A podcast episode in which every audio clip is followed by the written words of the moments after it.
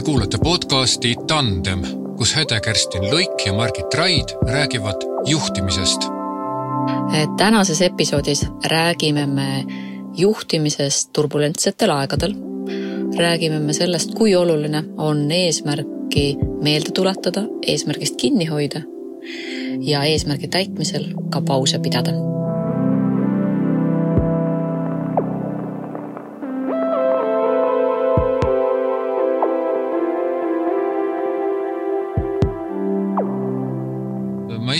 arvan, et äh, on tegelikult maailma ajaloos väga erilised nädalad, vahet pole, kas sa oled juht või oled sa kõige viimane alluv, et igal juhul on siin tegemist sellise loogilise ja, ja kahtlemata coach idele ja ka näiteks minusugustele turundusinimestele ka nagu väga huvitav case, sellepärast et sa mitte kunagi ei tea, mis sealt nagu välja tuleb.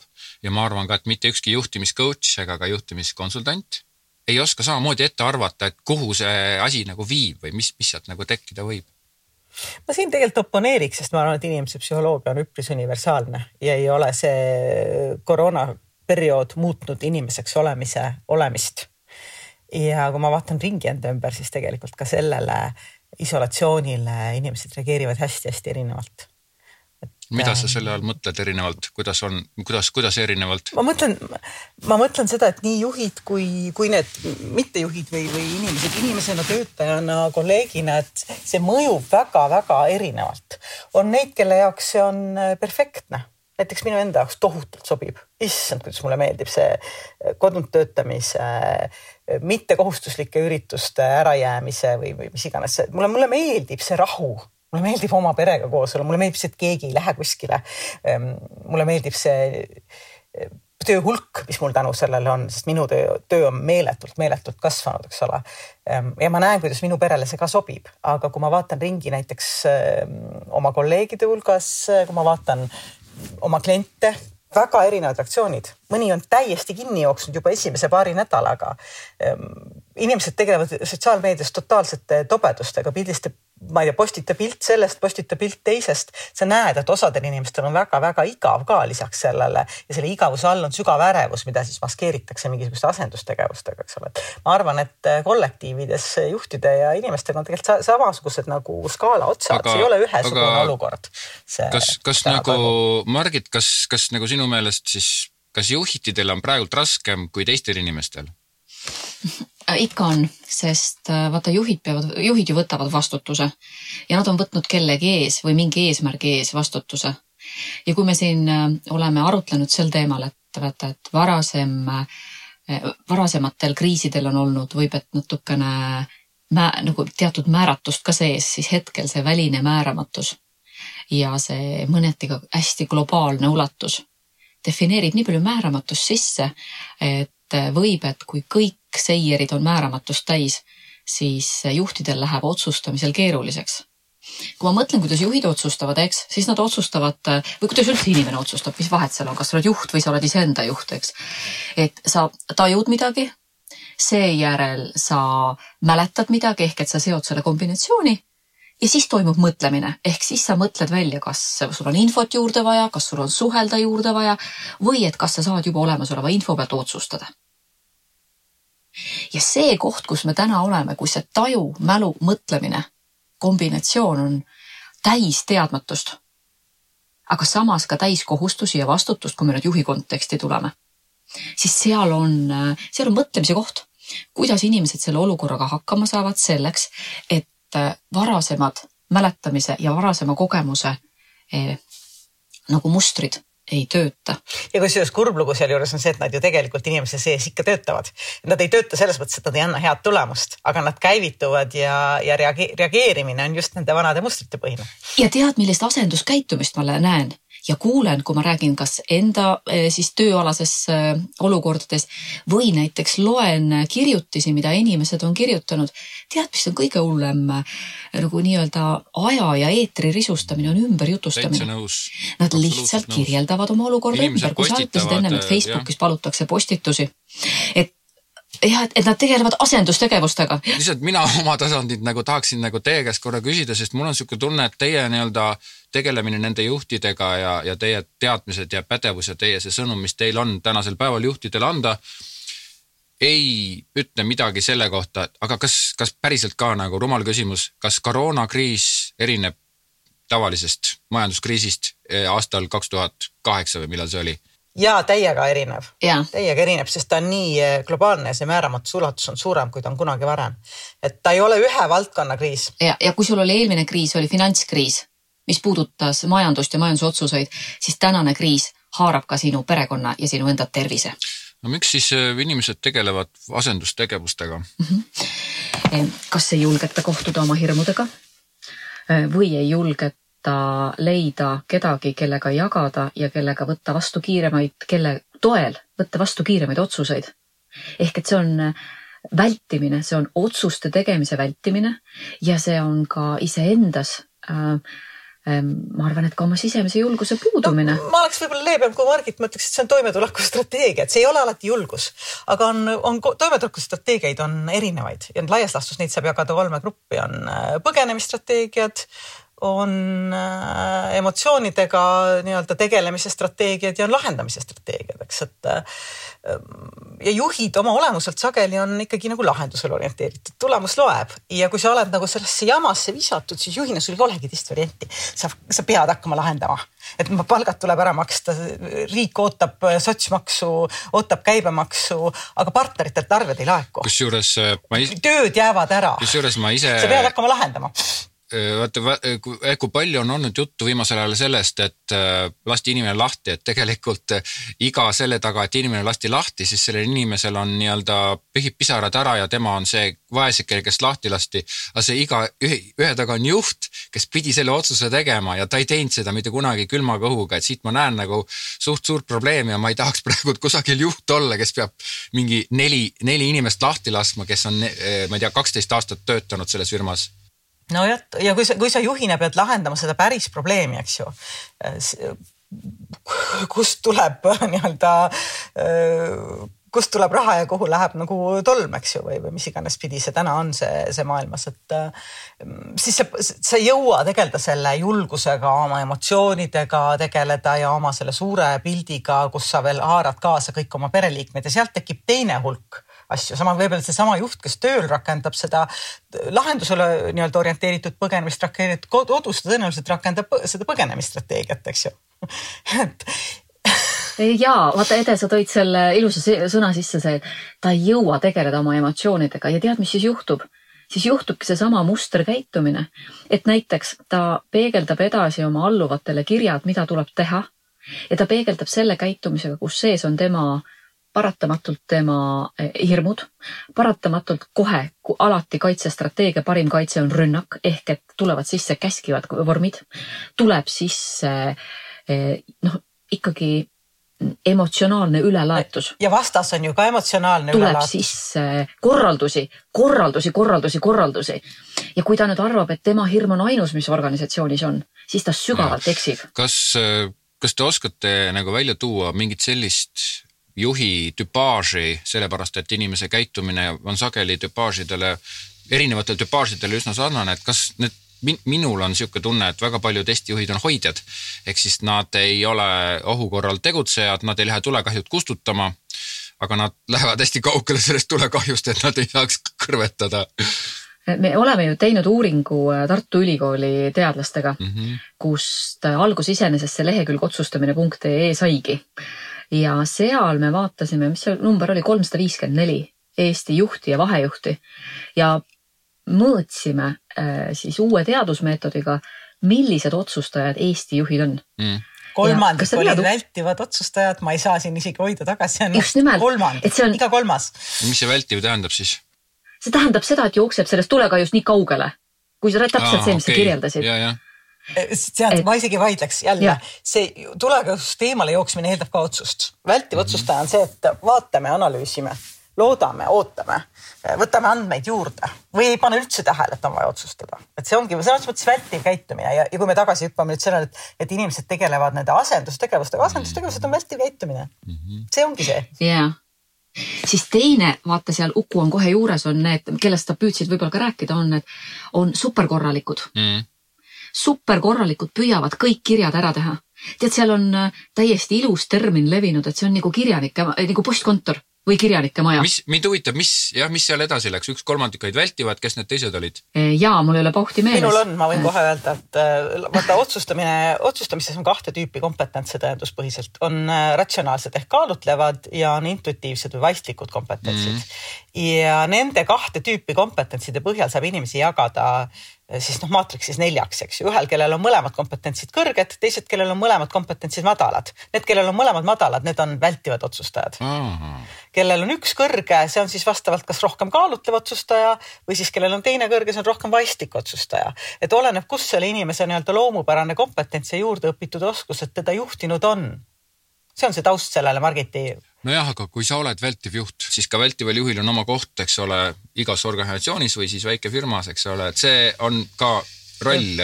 võib-olla mõni organisatsioon tahabki, et neil oleks yeah. vältivaid juhte, sest niimoodi saab vaikselt ja mugavalt seda organisatsiooni tiksutada. ma lihtsalt mõtlen selle peale, et see, kes nagu praegu kuuleb ja saab aru, et ta vist on ikka see vältiv juht, et noh, et siis kuidas ta ennast nagu tunda võiks, et, et tegelikult ma ei taha nagu kedagi mm, klassifitseerida ega paika panna, aga, aga et inimene, kui nagu kont kontrollib või mõtleb, milline ta on?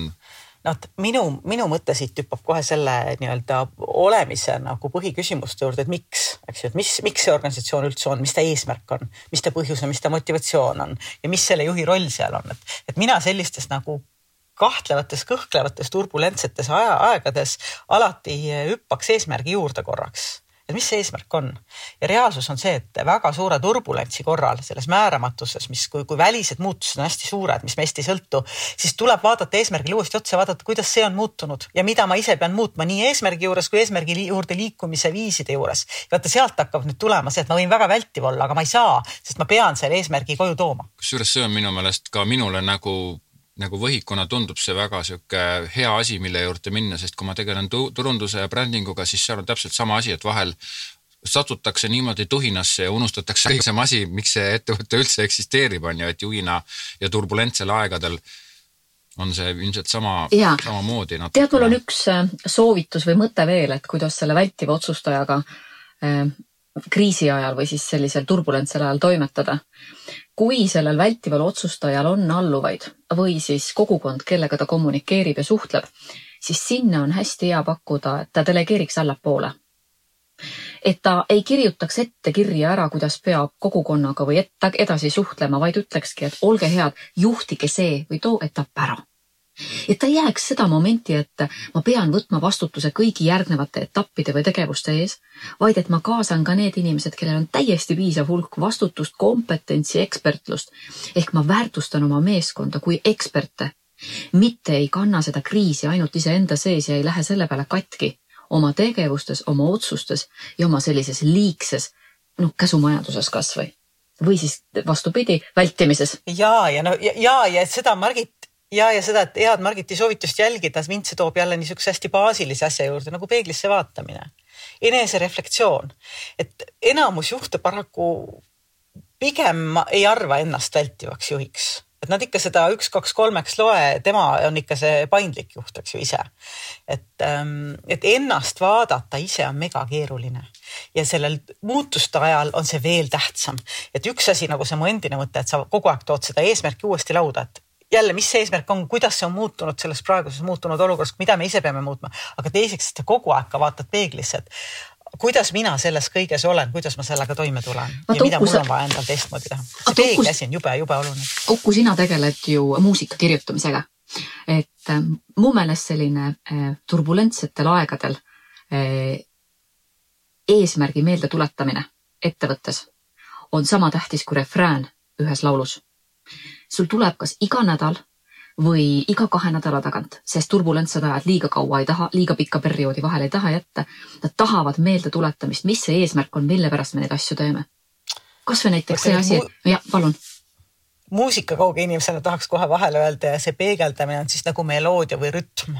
et kui ikkagi juht peeglisse ei vaata ja ennast ei taju, siis sellel lool ei ole, et refrään võib ju olla nagu eesmärk on, aga, aga see nii-öelda meloodia või rütm on puudu, kui enesereflektsioon on puudu enesetaju on vale. aga väga väga kihvt, ma praegult siit panin siin väikse node'i omale ja kirjutasin siin kaks punkti, üks oli delegeeri ära, mis on minu meelest väga lahe asi, tegelikult ma tahaksin, Margit, sina vist käisid selle välja, et, et tähendab ja teise punktina ma kirjutasin välja, et tuleta meelde, meelde eesmärk, mis, millest mina ka aru saan. ja aga Margit, äkki sa seletad selle delegeerimise lahti, et kuidas see selles praeguses koroonakriisi olukorras aitab juhtidel nagu või kuidas nad peaks delegeerima? ja juhtidel kui nad vastutavad teatud üksuse tegevuse eest või teatud eesmärgi täitmise eest, võib turbulentsel ajal tekkida liigne vastutus mm, selle eest, mida ta just, teeb. ehk et selline ürgemase äh, instinkt. ürgisase äkki ainult mina oskan. kurat, seda teab et see. okei ürgjuht, ütleme nii, siis on nagu, äh, sooneutraalne. ürgjuht. just, et see ürgjuht tema sees ja tead, mis see toob kaasa, see toob kaasa selle, et ta väldi, välistab oma meeskonna kui ekspertide Aa, okay. kogumi. Ja hakkab see, nende eest otsustama. see mind kõnetab see kõnetab mind täiega ja ma arvan, et ma midagi taolist võib-olla olen ka tundnud eelnevalt. aga luba, ma toon siia. mina olen seda, mina olen ise, ise seda oma töös täiesti yeah. tundnud, et noh, et mida, et kui on nii keeruline aeg ja nii pingeline yeah. teha on nii yeah. palju mm, -hmm. siis ainult mina oskan seda teha nii täiuslikult. jube raske on lahti lasta. leppida mitte... selle nii-öelda jutumärkides ebatäiuslik tulemus, sest ma ei ole ise teinud seda. kas seal mitte pole ka see, et, et, et ah, ma teen parem ise ära, sellepärast et kui ma hakkan seda delegeerima, et siis nagunii teised, ma ei tea, saavad asjast teistmoodi aru või? Võib-olla isegi mitte see. delegeerimine ongi raske. et tead, isegi mitte, et ah, ma teen ise ära või et ka see üleloomulik heroiseeritud enesehinnang, et ainult mina oskan seda õigesti teha. ehk tuleb mängu hästi primitiivne, õige või vale mm, -hmm. aga näita mulle äri või näita mulle sotsiaalset suhet, kus on ainult õige ja vale, halloo. see, see mind minu tasandil nagu kõnetab. teine punkt, mis ma kirja panin praegult oli tuleta meelde eesmärk, et see on midagi niisugust, mida ka mina oma igapäevatöös tegelikult teen, et et ma vahel isegi panen selle eesmärgi nagu kirja uuesti e,. kuidas seda eesmärki siis peaks meelde tuletama või kuidas, kas ma nagu tuletan, et me pidime nagu äh, ju tegema seda, müüma autosid, samalt tõime. kas, kas noh, siit muidugi tahaks kohe vahele küsida, kas, kas see, et me pidime müüma autosid, kas see üldse on eesmärk? jaa, väga õige. või see on tee eesmärgini mm jõudmiseks, et mis see üldse on, eks ju et äh.... labaneda ei olnud, äh, pigem on see, et, et äh, tead, väga pingul lühiajaliste suhete korral, mida kriisiolukord vaieldamatult on, kipub inimestel minema mott maha. Nad tunnevad täiesti, et ma ei jõua, ma ei taha ja ma hakkan protestima selle otsuse või selle olukorra vastu. ja vot seal on oluline meelde tuletada, aga mille nimel me teeme seda see on siiski üks lühiajaline periood, kus äh, kogu meie maakera hetkel püüab hakkama saada selle viiruspandeemiaga. ja see ei ole see moment, miks me peaks ära unustama, kuidas kakskümmend kolmkümmend viis meie visioonid või pikk perspektiiv peaks paigas olema. et see lühiajaline ette eesmärkide meelde tuletamine võib, et kainestab ja ei lase nii palju hinnanguid ja emotsioone laivi. tähendab, ja, ja noh, üldse eesmärgi roll üldse ju meeskonnas, et mina hästi siiralt usun seda, et. no see on sul hea, see on alati sul on hea. eesmärgi ümber mitte selleks ja, et mitte selleks, et oleks tore koos olla, ei tehta meeskonda või organisatsiooni, vaid tehaksegi ümber eesmärgi. mis tähendab seda, et see juhi üks töö ongi kogu aeg äh, eesmärki kommunikeerida ja kommunikeerida, ma mõtlen selle all seda, et see eesmärk, see pikk eesmärk tuleb kogu aeg tõlkida igapäevatöösse lühikesteks eesmärkideks. eri seda eri moodi, mul on üks hästi tore klient, kellel ongi, tal on see viie aasta eesmärk ja siis tal on aasta eesmärk ja siis tal on kvartali eesmärk ja siis tal on nädala eesmärk ja nui neljaks ta suudab selle süsteemiga toimida.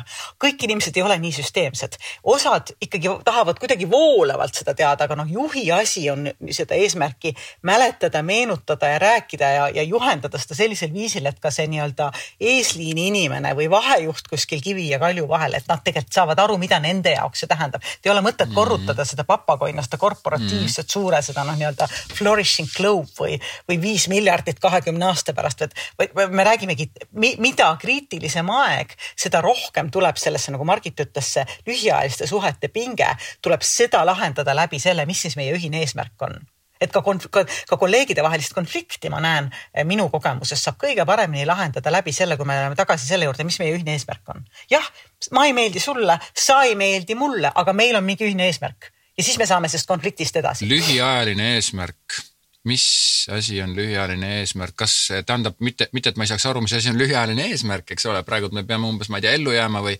aga, aga kas nagu lühiajaline eesmärk, kas siit ma nagu tunnen mingit struktuuri seoses pikaajalise eesmärgiga, sest mulle meeldis see kujund ka, et, et kui meeskond tuleb kokku, siis ta koguneb selle eesmärgi ümber.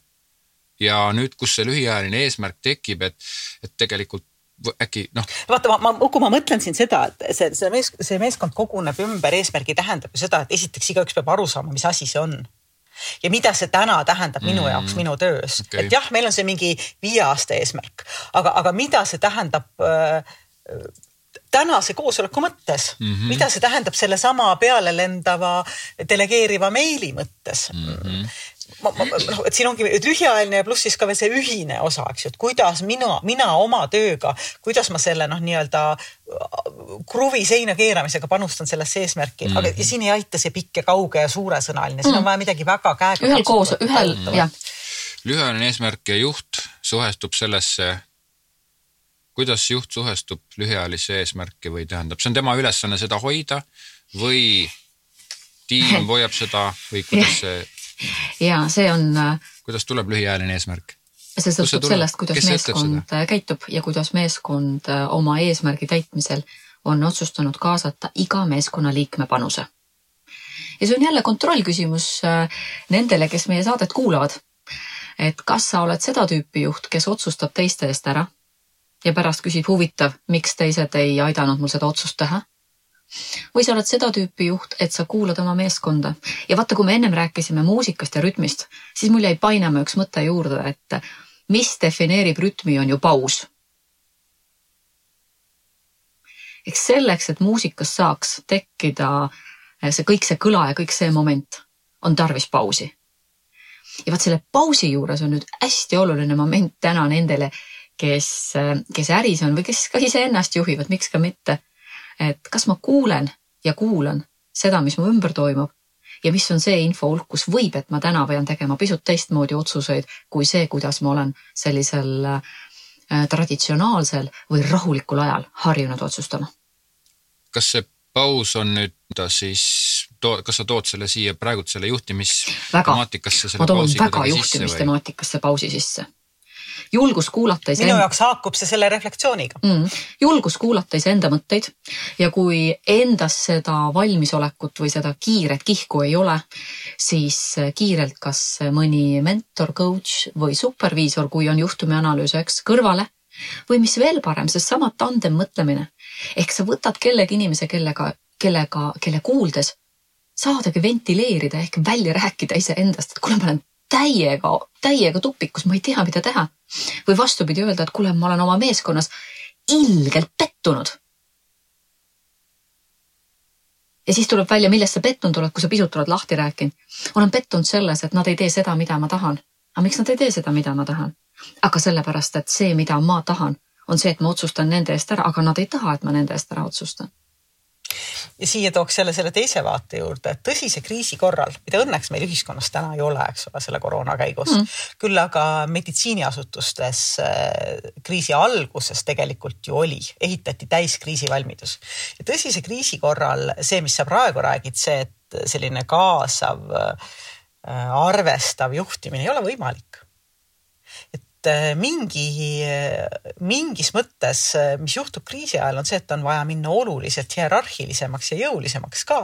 sõltub sellest valdkonnast, kus juht tegutseb, sõltub nendest väljakutsetest, mis tal parasjagu on, et noh, kui ikkagi raha põleb heleda leegiga, siis see ei ole see koht kus äh, saame kokku, laulame Om ja mõtleme koos, äh, kuidas meie kõigi tunded hoitud on. see on see koht, kus tuleb äh, tulekahju ära kustutada, tuua raha, see koju, see raha, mis veel on võimalik tuua ja leida teisi viise, kuidas, kuidas asjad ära lahendada, eks ole. ja siis on vahest vaja minna täitsa sõjaväeliseks mm.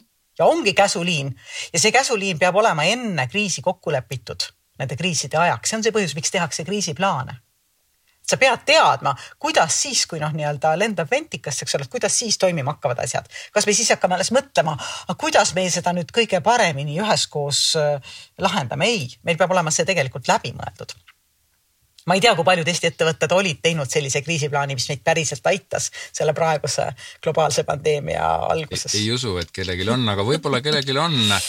ma just kellegiga. kindlasti ilus... on kaitseväel, on meditsiiniasutustel, raudselt on. On haridusasutustel. jah. et vaata, kui sul on kaks telge ja ühe peal on kiire ja teise peal on tähtis, siis kõik see empaatia, usaldus, meeskonnatunne kõik need asjad peavad olema ette valmis ehk et ka pehmete väärtustega töö on osa organisatsiooni kultuurist ja osa arengust. ja meil tuleb olla teadlik, et sellel hetkel, kui on kriis, käivad kiired ja tähtsad otsused vaheldumisi, jäetakse väga tihti vaheastme juhid eemale või kaasatakse üldkommunikatsiooni selleks, et käsk eesliinini oleks kiire, selge ja ühiselt arusaadav liiga palju seda tõlkimist läbi vahejuhtide, et kuna see info jõuab ja kas me pehmendame seda kirja ja kas me loome sinna juurde veel natuke seda, nagu sa ütlesid, seda om-momenti. seda ei tehta. seal on nüüd see hetk, et kui on kiire ja tähtis korraga lauas see ongi tegelikult see keerukuse üks olemus, et sa pead tulema toime vastandlikkusega, et sa pead suutma teadvuses hoida seda vastandite paradoksi. jah on vaja tegutseda kiirelt, jõuliselt ja kohe, eks ju, tähtsate asjadega, tähtsate kiirete asjadega ja teistpidi on vaja peegeldada, on vaja meelde tuletada eesmärke, on vaja luua inimestele turvatunnet. Need ongi kogu aeg selle, vot see, see teebki selle kriisi keeruliseks, et sa pead neid asju suutma korraga hallata, neid täiesti vastandlikke nõudmisi kas, kas, kas te näete ka sellel kiirel ja tähtsal ja pausi puhul ja lühiajalise eesmärgi puhul ja eesmärgi meeldetuletamisel ja delegeerimisel, kas te näete nendel puhkudel nagu seda tandemi juhtimist mina ise nagu näen, aga ma loodan, et te vastate, ma olen sihuke eh, lootev juht, eks ole, praegult, kes loodab, et te vastate nii, nagu te vastate. et jaa, me näeme küll tandem teeb tan- ja, ja, ja Uku, tandem teeb lihtsamaks nii selle kriisi hierarhilise juhtimise mm, -hmm. sest kui sul on keegi, kellele toetada, sa saad midagi jagada, eks ole. kui tandem teeb lihtsamaks selle kiirete ja tähtsate asjade väljasõelumise tandem teeb lihtsamaks selle pausi pidamise ja ka eesmärgi noh, nii-öelda paika loksutamise selle turbulentses muutuvas ajas. sa ei pea lootma ainult iseenda peale, vaid sul on tandempartner, kellega koos need asjad on võimalik teha lihtsalt tõhusamalt. luba, ma toon sulle. inimesed no. ju kardavad vastutust, ei taha üksinda enda peale võtta, tandemis on võimalik jagada. ma olen sinuga nõus, inimesed ja tead, ma toon sulle kolm lihtsat näidet. esimene neist on seotud avaliku esinemisega. kujutame ette, et sa lähed suurele lavale ja sul on päris kõrge esinemise ärevus, sa ei tea, kuidas sinu info töötab auditooriumini ja papapa. mis juhtub, selle termini nimi inglise keeles on moments of truth ehk tõehetked on see, et inimese kehas käivitub äh, hirmureaktsiooni korral kohene äh, adrenaliin, äh, siis veri valgub jalgadesse, piltlikult tekib seesama kaitsestrateegia, kas võitle, põgene või tardu. ja mis kõige hullem on, on see, et siis see ürgaju kaaperdab meie mõtlemise. see amügdala efekt on asja nimi teoorias ja tead, mis juhtub? juhtub see, et inimese hingamine on ebakorrapärane ehk pindmine ja kui ta ei saa hingata, on tal mõtlemisvõime nagu nii-öelda häiritud. ja sellel hetkel, kui inimene ei õpi uuesti hingama ja ei õpi seda pausiga iseendast teadvustama, et tegelikult on kõik hästi, ma olen laval, mul on sõnum ja mul on tugimeeskond, kes mind aitab. ta ei tule sellest olukorrast läbi. miks tandem on oluline? ma soovitan alati avalikul esinemisel, mida suurem on äh, tähtsus esinemisel, minge kahekesi lavale. näiteks sa võtad kellegi, kellega sa lähedki dialoogipartnerina või sa lähed jagama nii praktilist kui strateegilist kogemust, mis vaid mine kahekesi lavale, on keegi, kes päästab su välja, sul on turvalisem seal olla. see on esimene. siis teine, mis on hästi oluline, on, et kui sul on meeskonnas keegi inimene, kelle käest sa võid küsida nelja silma reegel sa võid tema käest küsida, kuule, ma panin kirja valmis meil näiteks, ütleme nii, et sinu haldusalas on sada ettevõtet, kelles igas on umbes kuuskümmend inimest tööl sellele sajale ettevõttele kriisi ajal kirjade kirjutamine on üsna tavaline tegevus. aga selleks, et see kiri ei oleks emotsionaalselt üle laetud või kohmakas või mis vaid tõrgetele, eh, nii-öelda tõrgetest eh, pungil, sa palud lihtsalt nelja silma reegliga, et keegi vaatab selle üle.